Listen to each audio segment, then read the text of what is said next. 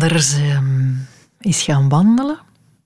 Ik denk dat er weinig tijden geweest zijn waarin dit voorstel zo vaak werd gedaan als nu. Corona heeft nagenoeg alles onmogelijk gemaakt. Concerten, nul. Theater, nul. Sportactiviteiten, amper. Shoppen, niks niet. Vuiven, zeker niet. Zelfs gaan werken is er voor velen niet meer bij, nu thuiswerken zo goed als de norm is. En dus gaan we wandelen massaal op dijken, in de bossen, in de parken. Waar weg is, is vandaag een wandelaar. En als we het dan toch zo massaal doen, dan kunnen we het maar beter goed doen als volleerde wandelkunstenaars.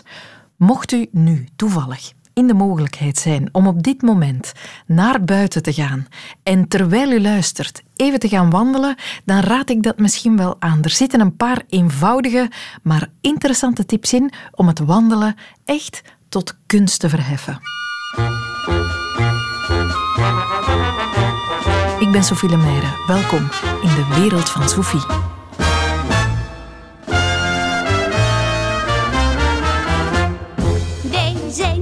Op de bossen, daar kunnen we hossen, daar kunnen we klassen.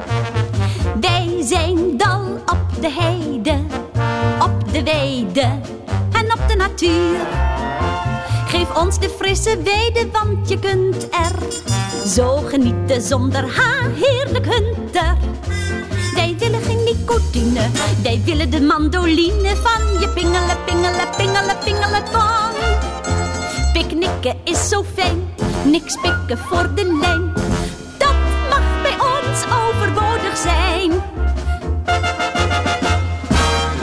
Niet zo lang geleden botste mijn collega Wart Bogaert op een boekje dat ons misschien al enigszins op de goede weg zou kunnen zetten. Zeker. En ik ben blij dat je het woord wandelkunstenaar gebruikt, Sophie. Want het boekje eh, waarover ik het wil hebben heet The Gentle Art of Tramping. Oeh.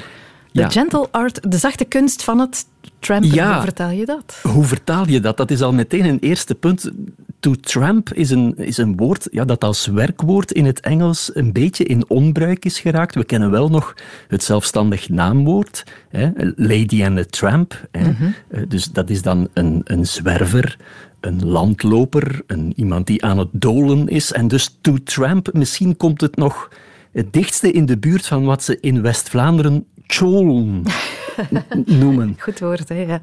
Ja, zo'n zo beetje ja, zwerven komt daar dan nog in het algemeen Nederlands het, het dichtste bij. Maar het is dus een boekje ehm, uit 1926, dat in 2019 fantastisch opnieuw is uitgegeven op een heel klein formaat, zodanig dat het, en dat kan geen toeval zijn, zodanig dat het perfect in een binnenzak van een jas Het heeft ook een, een prachtige cover eh, met een, een erop. Het heeft een harde kaft. En, en die ets, ja, dat is een wandelaar die we op zijn rug zien met een kronkelend pad doorheen de velden voor zich. En in de verte zien we besneeuwde bergtoppen. Prachtige tekening. En het is een boekje van een Britse reisjournalist, eh, Stephen Graham, die begin 20e eeuw wereldberoemd geworden is met verslagen, heroïsche verslagen van zijn trektochten door het pre-revolutionaire Rusland. Hij is dus in het begin van de 20e eeuw al doorheen dat machtige rijk eh, Rusland gaan stappen en heeft daar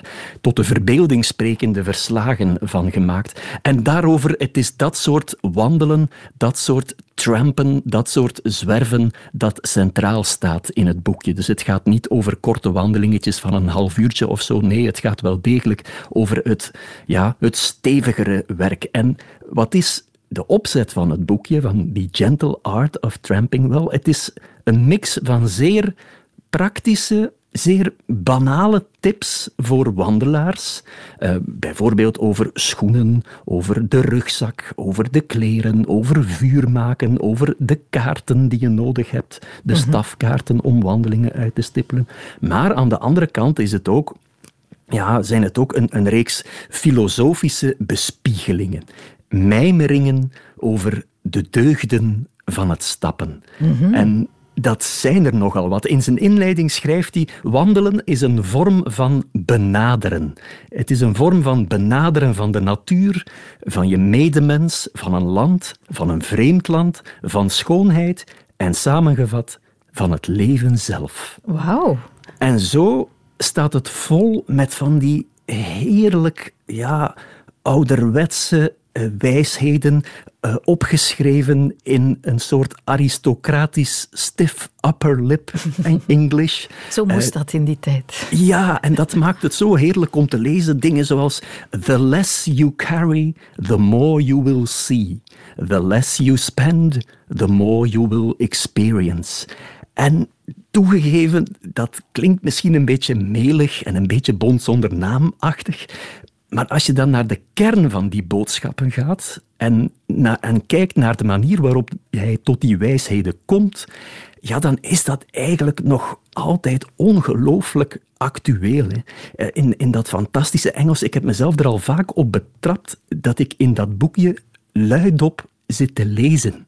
Luidop? Ja, dat, dat, stel je dan bij jezelf vast. Wat ik dan ook vaak doe, is dat ik er bepaalde passages, ja, dat ik die overtyp in mijn smartphone. In, ah, het, uh, in het appje notities maak ik dan notities, omdat ik van het type ben dat geen notities maakt in het boek zelf. Dat is alweer een heel andere discussie natuurlijk. Maar terwijl ik dat dan zit te doen, denk ik, god, die Stephen Graham, uh, die zou aan een ding als de smartphone, die zou daar een bloedhekel aan gehad hebben. Want een van de tips die hij bijvoorbeeld geeft voor een goede wandeling is, neem een boek mee, een leesboek. En laat het geen te dik en geen te zwaar boek zijn, want dat zijn allemaal extra kilo's die je moet meesleuren.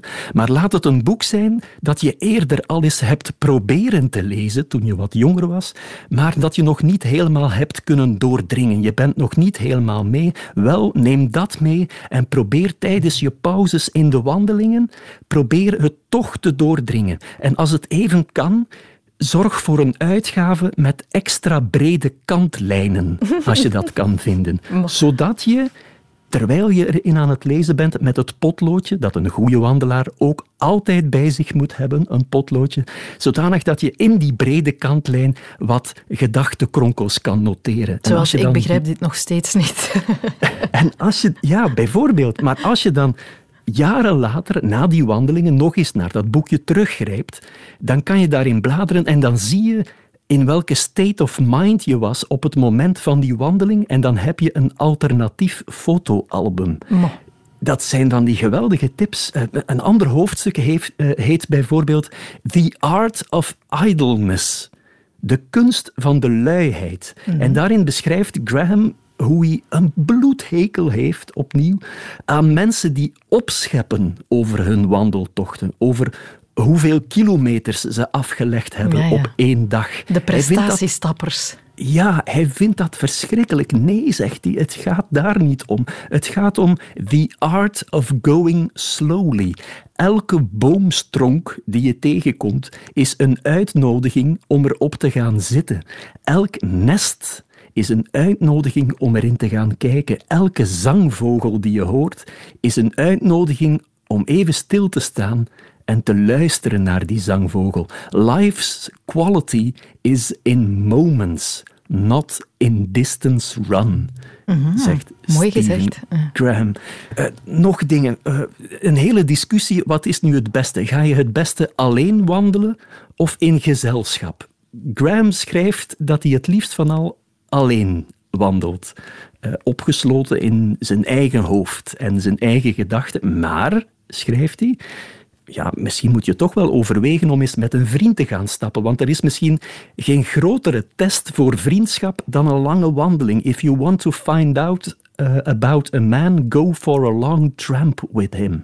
Want je voert lange gesprekken tijdens die wandelingen, sowieso. En vaak zijn dat over, gaat dat over banale onderwerpen, onderwerpen die zichzelf aandienen. Hè? De natuur rondom je, wat je allemaal ziet tijdens de wandeling, over hoe je voeten beginnen pijn te doen, maar ook over, over boeken of gedichten die je aan het lezen bent, over andere mensen, maar meest van al, onvermijdelijk tijdens die lange tochten, praat je over jezelf.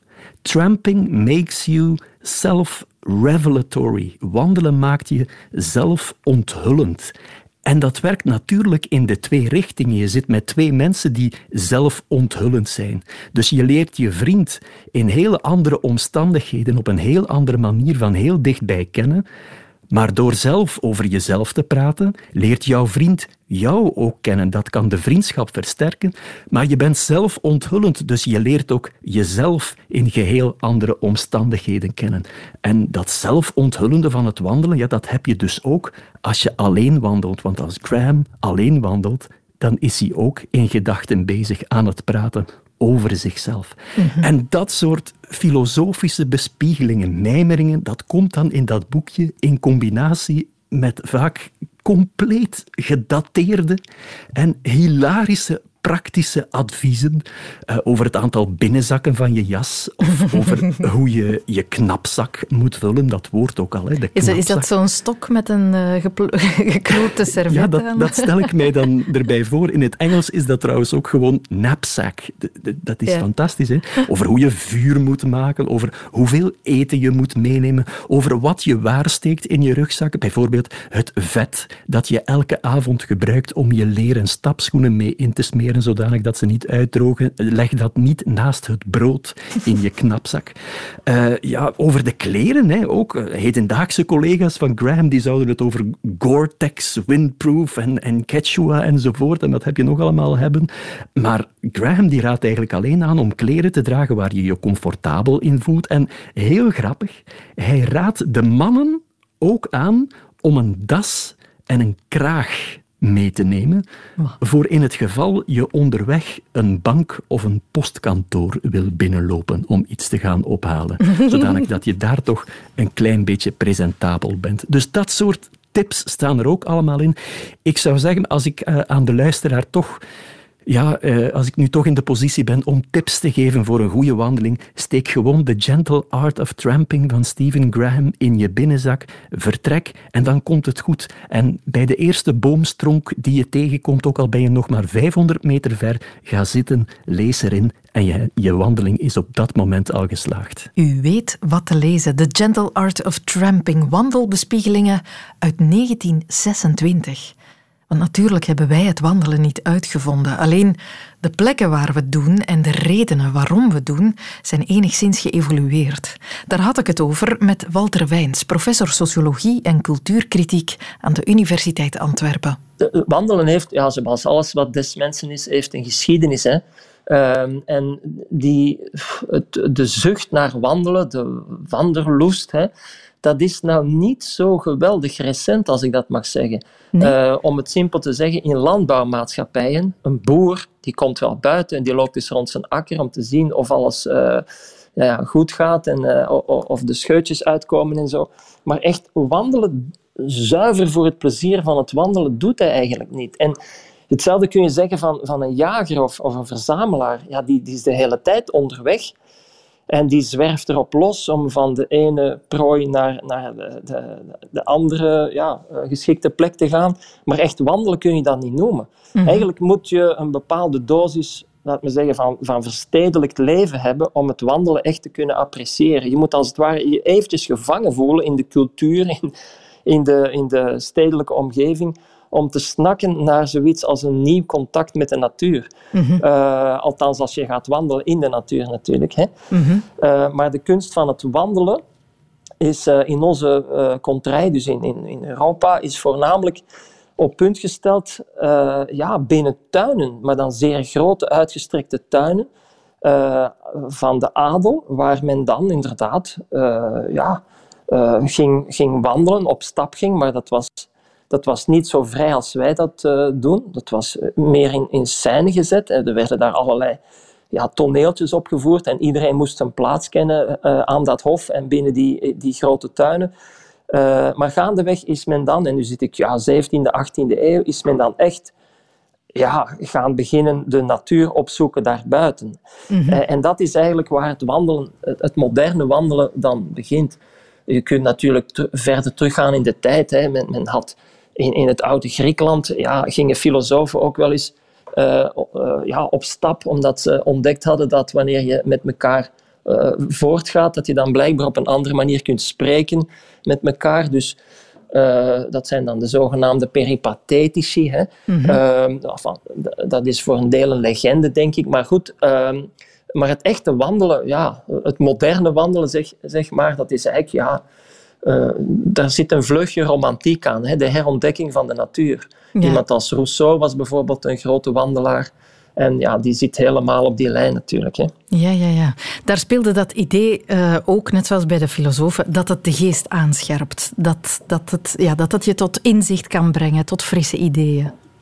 Ja, vooral dat frisse. Of het nou meteen rechtstreeks kant-en-klare, zeg maar, panklare ideeën oplevert, dat weet ik niet. Maar je raakt van starre ideeën af. Je, uh, het is misschien interessant om erop te wijzen dat als wij het hebben over uh, wandelen, etymologisch gezien, en in het Duits is dat misschien nog duidelijker, uh, dat is ver, verwant aan wandeling. Verwandeling wil zeggen metamorfose, vormverandering, wending.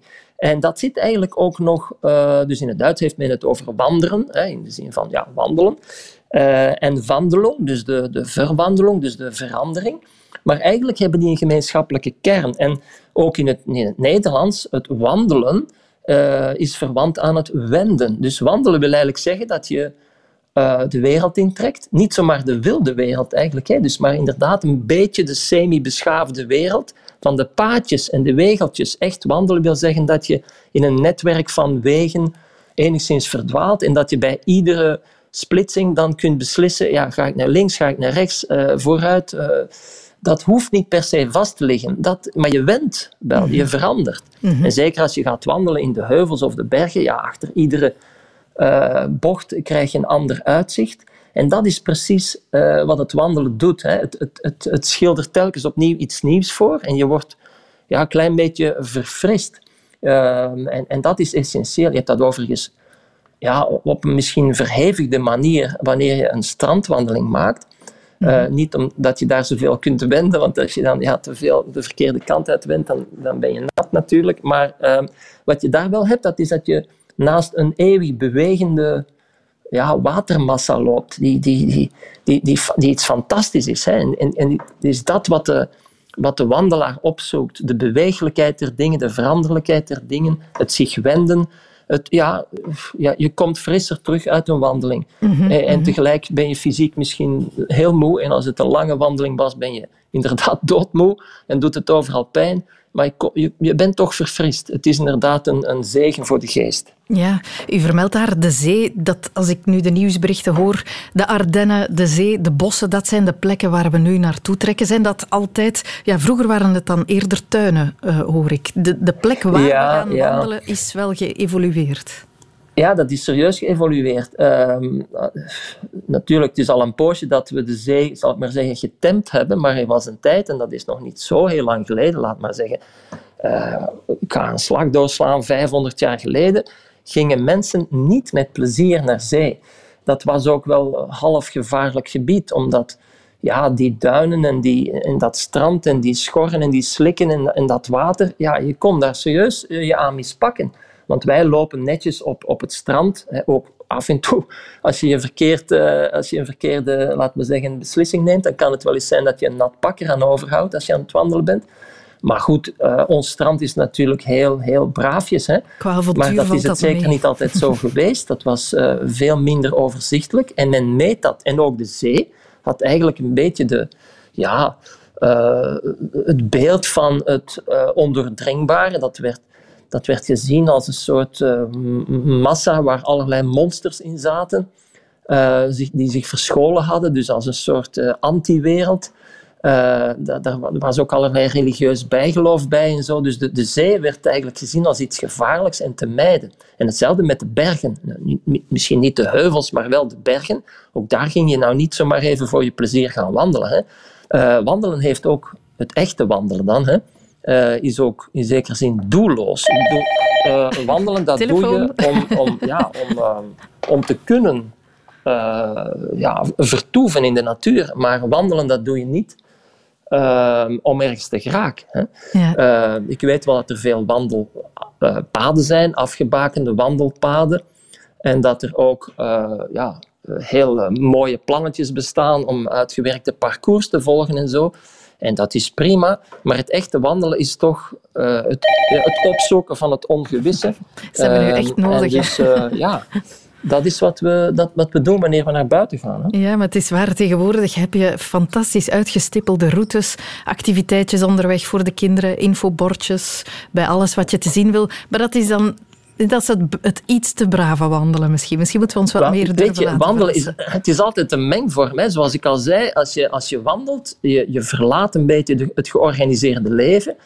Maar je gaat niet meteen de allerwoeste natuur intrekken natuurlijk. Je wil je ook wel veilig blijven voelen. Hè. Mhm. Wandelen doe je ook meestal wel op een pad. Hè. Op een, laantje of een dreef of, of een weg. Maar uh, het echte uh, ja, erop los hiken, de natuur in, Um, ja, je kunt dat wandelen noemen, uh, maar dat is toch een iets of wat woestere vorm. Dat is dan werkelijk het, het, zwerven.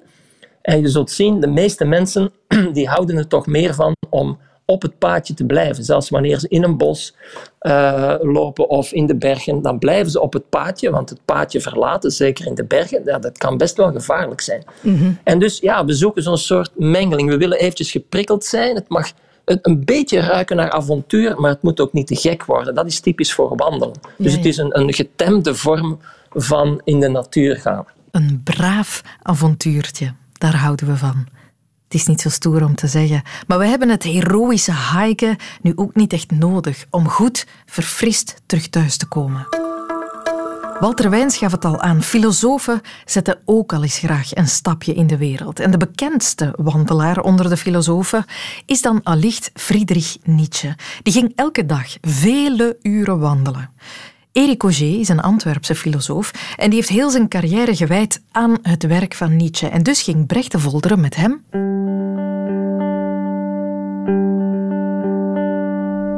We gaan wandelen. Ja, ja, een grote avontuurlijke tocht in het uh, heel exotische Boeghout. Gaat u vaker wandelen? Ik ga uh, regelmatig wandelen. Uh, ik hou wel van lange wandelingen. Um, en de reden daarvoor is dat wanneer dat je wandelt, moet je niet nadenken met datgene wat je bezig bent. Het wandelen is een soort van automatisme geworden. En dan komt ruimte vrij opdat gedachten zouden ontstaan die eventueel interessant kunnen zijn. De meeste zijn uh, daarvan niet interessant. Maar wie weet ontstaat er plots een interessante gedachte. En uh, Nietzsche, waar ik uh, vele jaren ben mee bezig geweest, had altijd een notitieboek bij zich. En wanneer zo'n interessante gedachte opdoemde, en werkelijk ze doemde op, noteerde hij, hij die heel, heel vlug, heel vlijtig. En zo zijn uh, een heleboel van zijn geschriften ontstaan, uh, die hij zelf ergens zijn aforismeboeken noemt. En die aforismeboeken zijn in zekere zin reisboeken. Namelijk die ehm, getuigen nog van de manier waarop dat hij leefde. En dat leven was in eerste instantie wandelend. Iedere dag vele uren, uren aan een stuk, door de bergen, de bossen. Uh, ook op een bepaald moment langs het meer van Silva Plana. En langs dat meer uh, is er een rotsblok, een uh, granieten rotsblok. En wanneer hij daar langs wandelde op een bepaald moment, had hij plots de gedachte van de eeuwige terugkeer. En de gedachte van de eeuwige terugkeer is voor hem een heel belangrijke gedachte geweest. Het is eigenlijk de grondgedachte van een heel uh, bekend boek van hem, namelijk Al dus sprak Zarathustra, al zo sprak Zarathustra. Allemaal ontstaan op een wandeling? Allemaal ontstaan tijdens uh, dat wandelen, ja. En uh, dus hij wandelt, maar wanneer dat jij gedachten nastreeft, dan komt ze meestal niet. Zij komt op een onverwacht ogenblik. Zij overvalt jou. Zij grijpt jou bij de lurven. En uh, ik, uh, we staan nog in de stad. Ik kom, laten we wandelen, laten we ja, bewegen. Ja, Het is ja, uh, veel te lawaaiig naar mijn zin. Ja, ja, hier is uh, verschrikkelijk.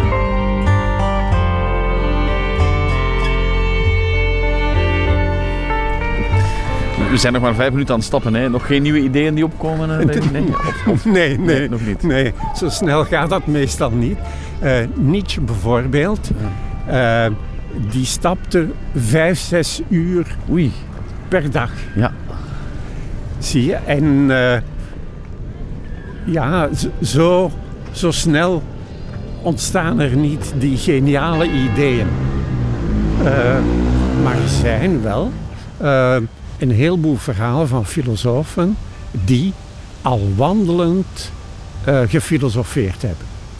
En uh, de vroegste uh, verhalen komen uit de tijd van Aristoteles. Aristoteles heeft een filosofische school opgericht en dat noemt men de peripathetische school. En die peripathetische school, dat wil zeggen, die filosofen wandelden samen en filosofeerden. Dus daar ging het filosoferen en het wandelen samen een beetje zoals wij. Dus een wandelclub? Een soort van een filosofenclub die ook wandelden. Of een wandelclub die ook uh, filosofeerde. Uh, maar uh, er zijn ook een heleboel filosofen die vonden, ja, tijdens de wandeling, dat, dat gaat niet. Nee, ik moet aan een aan, aan mijn werktafel uh, schrijven. Zo iemand bijvoorbeeld was Immanuel Kant, een uh, 18e eeuwse grote filosoof. Maar hij wandelde wel iedere dag. En hij was zo maniacaal dat hij uh, precies iedere dag op hetzelfde uur buiten kwam. En de mensen in Koningsberg wisten dat en zeiden dan: Ah, der filosoof komt buiten. Het is vier uur en ze zetten de klokken gelijk wanneer de filosoof buiten kwam. Hij liep dan uh, op een precies aantal keren op en neer een wegje, iedere dag hetzelfde. Uh, en dat pad heeft men dan in Koningsberg genoemd der Filosofenweek. Uh, maar hij dacht, hij werkte aan zijn filosofie, aan zijn tafel. En Nietzsche verwerpt dat. Nietzsche zegt ja, dat zijn filosofen met veel zitvlees. Ja, zitvlees. Ja. Um, hier in Boeghout noemen we dat een zittend gat hebben. Namelijk, uh, ja, uh, de gedachten die komen pas wanneer dat je neerzit. Uh, terwijl dat bij Nietzsche dus niet het geval is. Namelijk in hem is een fundamentele onrust. Hij wil lopen en door dat lopen komt blijkbaar een mechanisme op gang. Eigenlijk is het het onbewuste. Namelijk uh, vanuit die donkere humusgrond van dat onbewuste doemen die gedachten op. En die verrassen onszelf. Namelijk, uh, we zijn verrast over de gedachten die wij toch denken. Waardoor die zich gaan gedragen alsof dat het min of meer vreemde wezens zijn. Die gedachten? Die gedachten. Ze doen je misschien zelfs kort even stilstaan. Ah ja, uh, wanneer dan een heel belangrijke gedachte opdoemt. Ja. En daar hebben we een aantal voorbeelden van. Bleven die filosofen ter plekke staan. Ze waren zo verwonderd over datgene wat zij dachten op dat moment, dat ze niet meer verder wandelden. Ter plekke, surplus. En zo uh, hebben we verhalen over Socrates, de grote filosoof van de Griekse oudheid, die uh, met vrienden naar een feest ging en uh, ze wandelden samen. Op een bepaald moment had Socrates een gedachte en hij bleef ter plekke staan. En de anderen liepen al door, die wilden dat gelach niet, niet missen. En naar het schijnt zou Socrates daar uren, een hele nacht gestaan hebben, verwonderd over het raadsel van de gedachte die hij op dat moment had. hetzelfde verhaal is er ook uh, in verband met de grote Oostenrijkse filosoof Wittgenstein, Ludwig Wittgenstein. Wandelde precies hetzelfde met vrienden. Plots had hij zijn fundamenteel inzicht waar hij de rest van zijn leven aan vastgehouden heeft. Uh, en hij bleef niet alleen ter plekke staan, maar hij viel op de grond, huilend. En hij heeft daar een half uur gelegen. Op zijn wandeling? Verwonderd op zijn wandeling naar Vincennes. Dus van ja. Parijs naar Vincennes. Ik weet niet hoeveel kilometer dat ongeveer is. Maar dat is een serieuze wandeling. Uh, en hij bleef daar een hele tijd liggen. En achteraf, vele jaren later, heeft hij dit het visioen van Vincent genoemd. Namelijk waar hij zijn fundamenteel inzicht gekregen heeft. Nog een reden om er vandaag op uit te trekken. Wie weet welke inzicht nagelt u straks aan de grond. Nu kan je niet alleen kuierend op een idee botsen, een goede wandelaar is ook alert voor zijn omgeving en botst op die manier soms letterlijk op iets. Dat overkwam reporter Wart Bogaert tijdens een van zijn coronawandelingen in het voorjaar. Hij botste samen met zijn zoon op een steen die hem vervolgens maandenlang in de ban hield. Het is begin mei dit jaar, in volle lockdown. En ik ben in het park bij mij om de hoek op wandel met Louis en Frederik. Louis trekt een trekkarretje achter zich aan.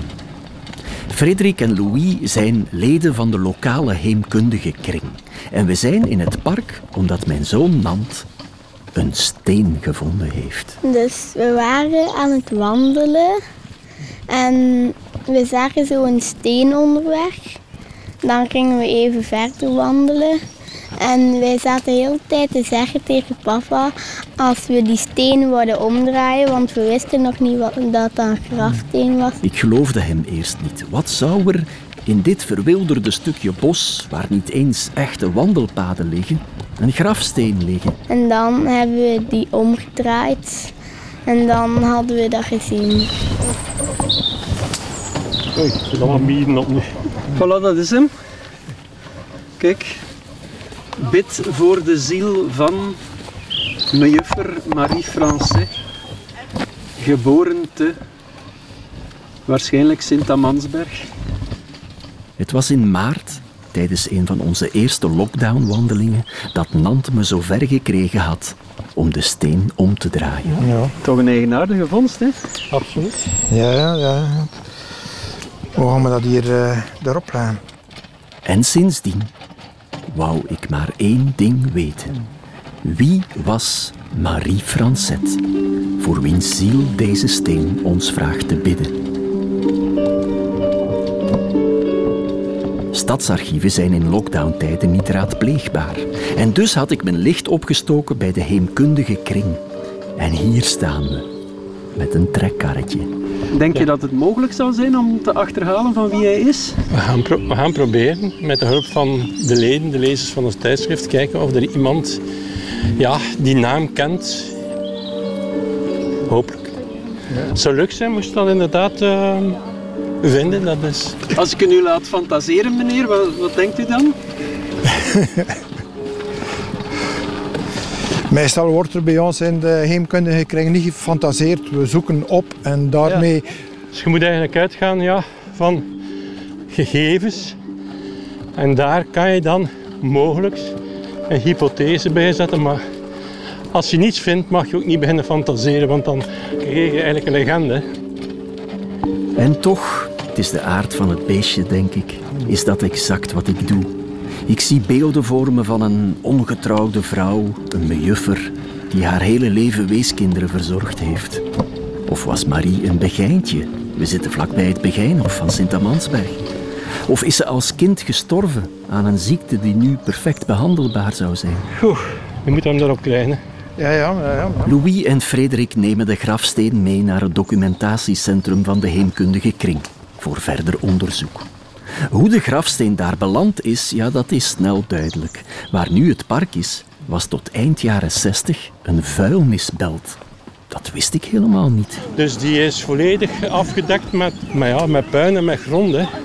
Dat is gebeurd, ja, eind jaren 60, dus bijna 50 jaar. Het graf van mejuffer Marie moet dus eind jaren 60 geruimd zijn. En haar steen is later hier beland, in wat ooit een vuilnisbelt was. Recht de vergetelheid in. Tot Nant hier voorbij kwam.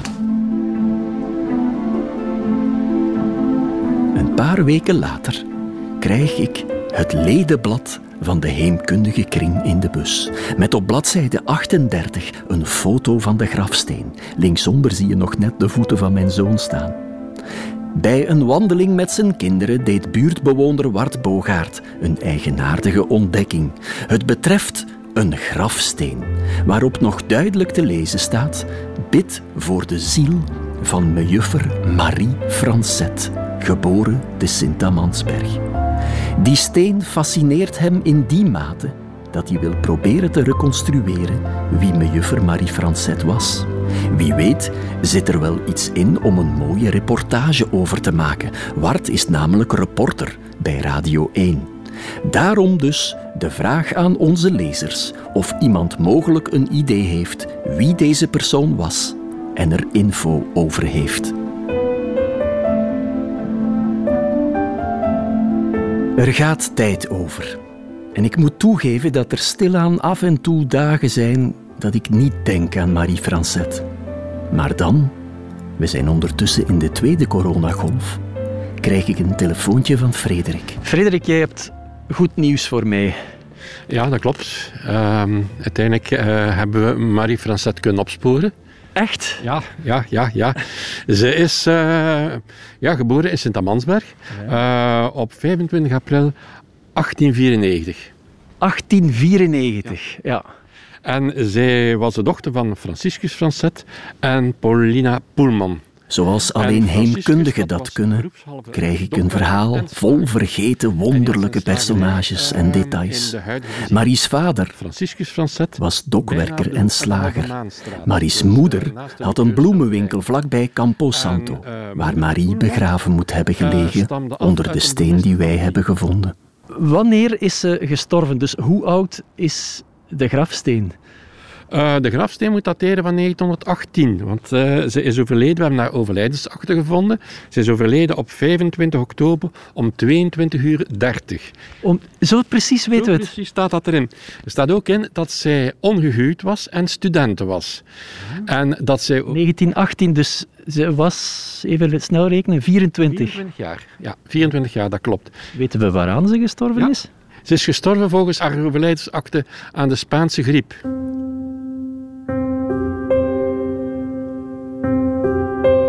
Wat een luguber toeval. In volle COVID-pandemie ontdekt mijn zoon de grafsteen van een slachtoffer van de vorige pandemie. Het is eigenlijk een beetje, het verbindt eigenlijk een beetje hè, met de huidige tijd.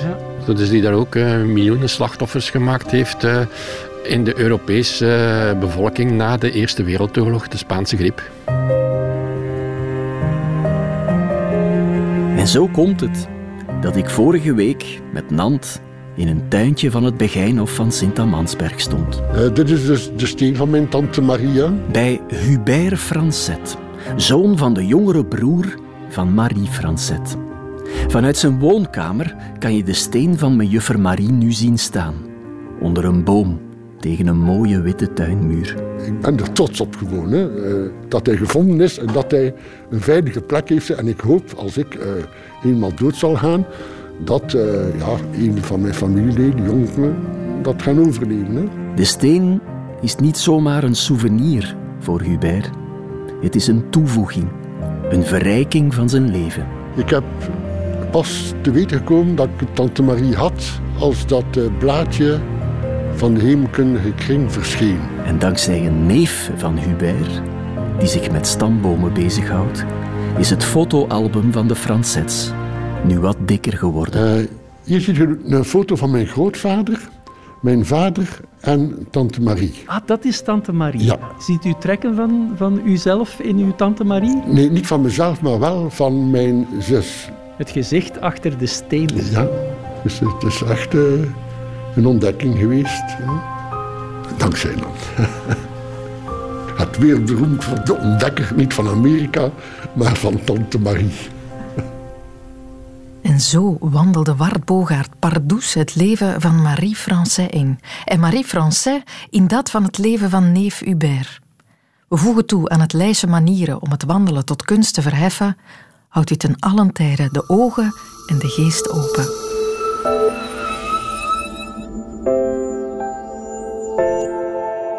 Dit was de wereld van Sophie over de kunst van het wandelen. Hoor je graag meer?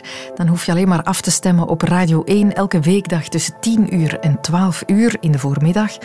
Of wachten tot er een nieuwe podcast is, volgende week vrijdag natuurlijk. En dan is het nu gedaan, maar nog niet helemaal. Want ik wil u aan het eind van deze podcast nog een andere podcast tippen. Het is één die al enkele jaren oud is ondertussen, maar die echt de moeite is om nog eens op te zoeken. Ik heb het over Wanderland. Een podcast waarin collega en muzikant Gert-Jan van Hellemond elke aflevering gaat wandelen met een muzikant. En dat levert elke keer mooie, verrassende en interessante gesprekken op. Het is te gepast, nu we het toch over wandelen hebben, om u niet een stukje te laten meeluisteren naar de aflevering met Spinvis. Radio 1. Not all those who wander are lost. I'm walking. Wanderland.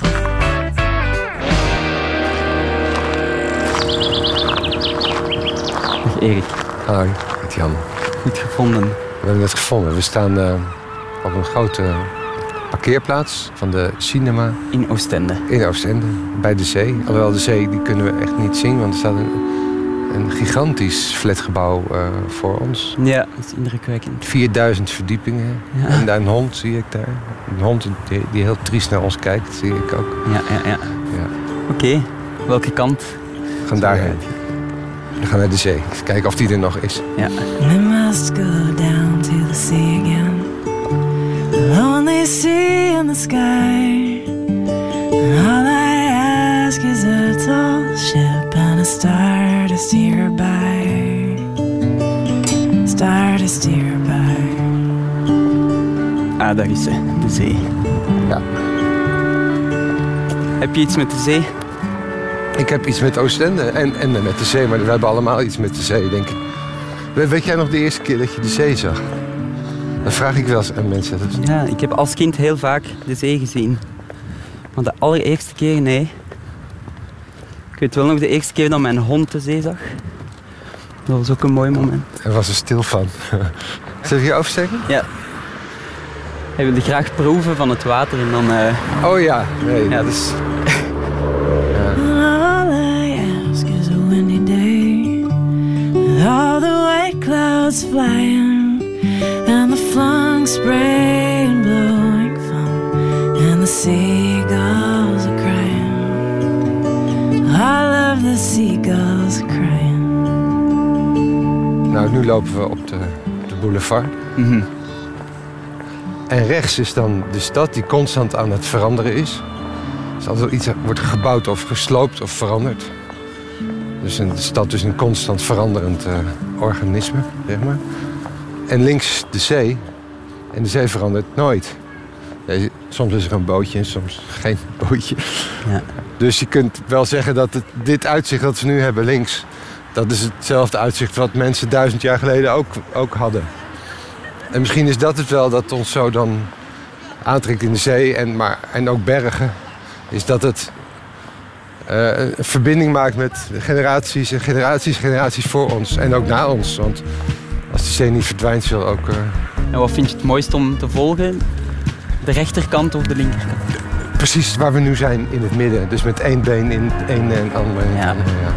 Justine, ik zie. Ik heb gemerkt dat als ik nadenk over mijn muziek of over teksten...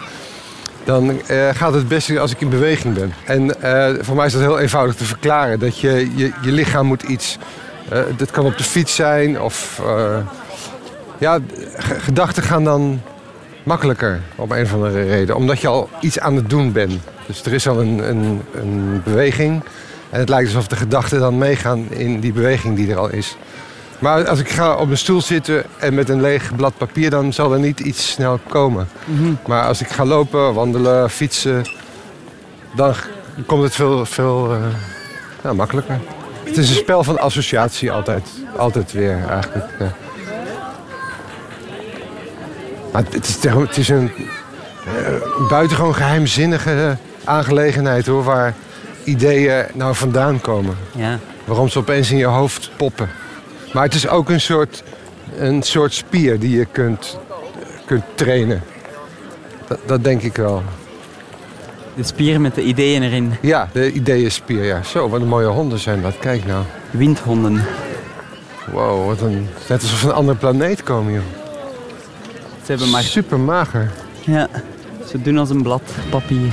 Ze bewegen ook als... als eh, uit een uit science fiction film, zeg maar. Ja. Walking a dog. Guess a walking bird dog. Spinvis in Wanderland. De rest van de podcast vind je gemakkelijk online terug. Veel plezier ermee. En dan zeg ik nu echt tot gauw. Dit was een podcast van Radio 1. Ontdek nog meer podcasts van Radio 1 in onze app en op radio1.be. Radio 1. Altijd benieuwd.